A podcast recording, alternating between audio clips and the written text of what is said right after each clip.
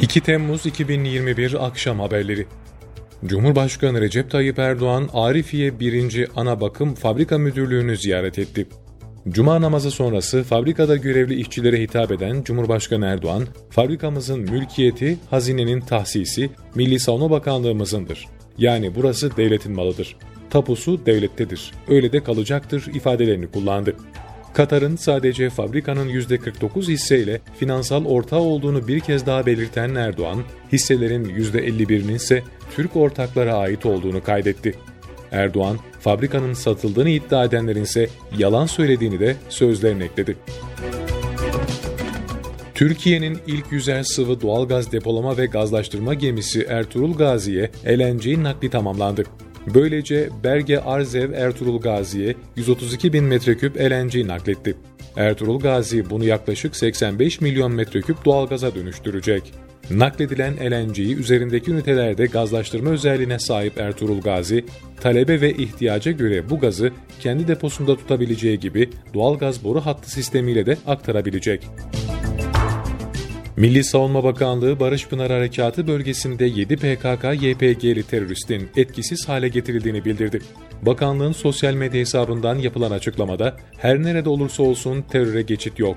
Kahraman komandolarımız Barış Pınarı bölgesine sızma girişiminde bulunan 7 PKK-YPG'li teröristi etkisiz hale getirdi ifadelerine yer verdi. Bingöl'ün Ki ilçesinde meydana gelen 5.2 büyüklüğündeki depremin ardından yapılan çalışmada 68 yapının ağır hasar gördüğü tespit edildi. Çevre ve Şehircilik İl Müdürü Abdülkadir Aslanboğa depremin ardından sahada 6 gün süren ön hasar tespit çalışmaları gerçekleştirdiklerini söyledi. Aslanboğa, Ki ilçesinde 57, Yayladere'de de 11 hanenin ağır hasar gördüğü belirlendi. Raporumuzu bakanlığımıza sunulduktan sonra bölgede kesin karar tespiti yapılacak ve hak sahipleri belirlenecek diye konuştu. Ankara Cumhuriyet Başsavcılığı FETÖ'nün Jandarma Genel Komutanlığındaki yapılanmasına yönelik soruşturmada 60 şüpheli hakkında gözaltı kararı verdi. Soruşturma kapsamında 30'u kamu kurumlarından ihraç edilmiş 60 şüpheli hakkında gözaltı kararı çıkartıldı. Bu doğrultuda Ankara merkezli 34 ilde eş zamanlı operasyon düzenlendi.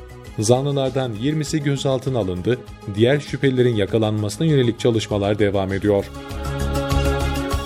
İstanbul'da terör örgütü DAEŞ'e yönelik operasyonda 11 şüpheli gözaltına alındı.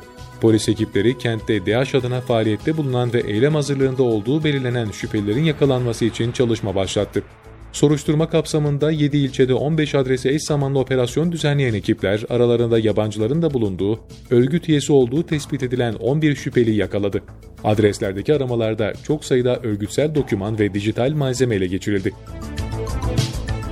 Başkentte bir inşaatın temel kazı işlemleri devam ederken istinat duvarının zarar görmesi üzerine tedbiren boşaltılan 5 binada hafif zarar gören ikisinde iyileştirme çalışması yapılıyor. Çevre ve Şehircilik Bakanlığı ekipleri bölgedeki binaların temelinde herhangi bir hareket yaşanıp yaşanmadığını lazer taracıyla takip ediyor. Bu arada diğer 3 bina için bir tehlike olmadığının belirtilmesi üzerine çok sayıda daire sakininin evlerine döndüğü belirtildi.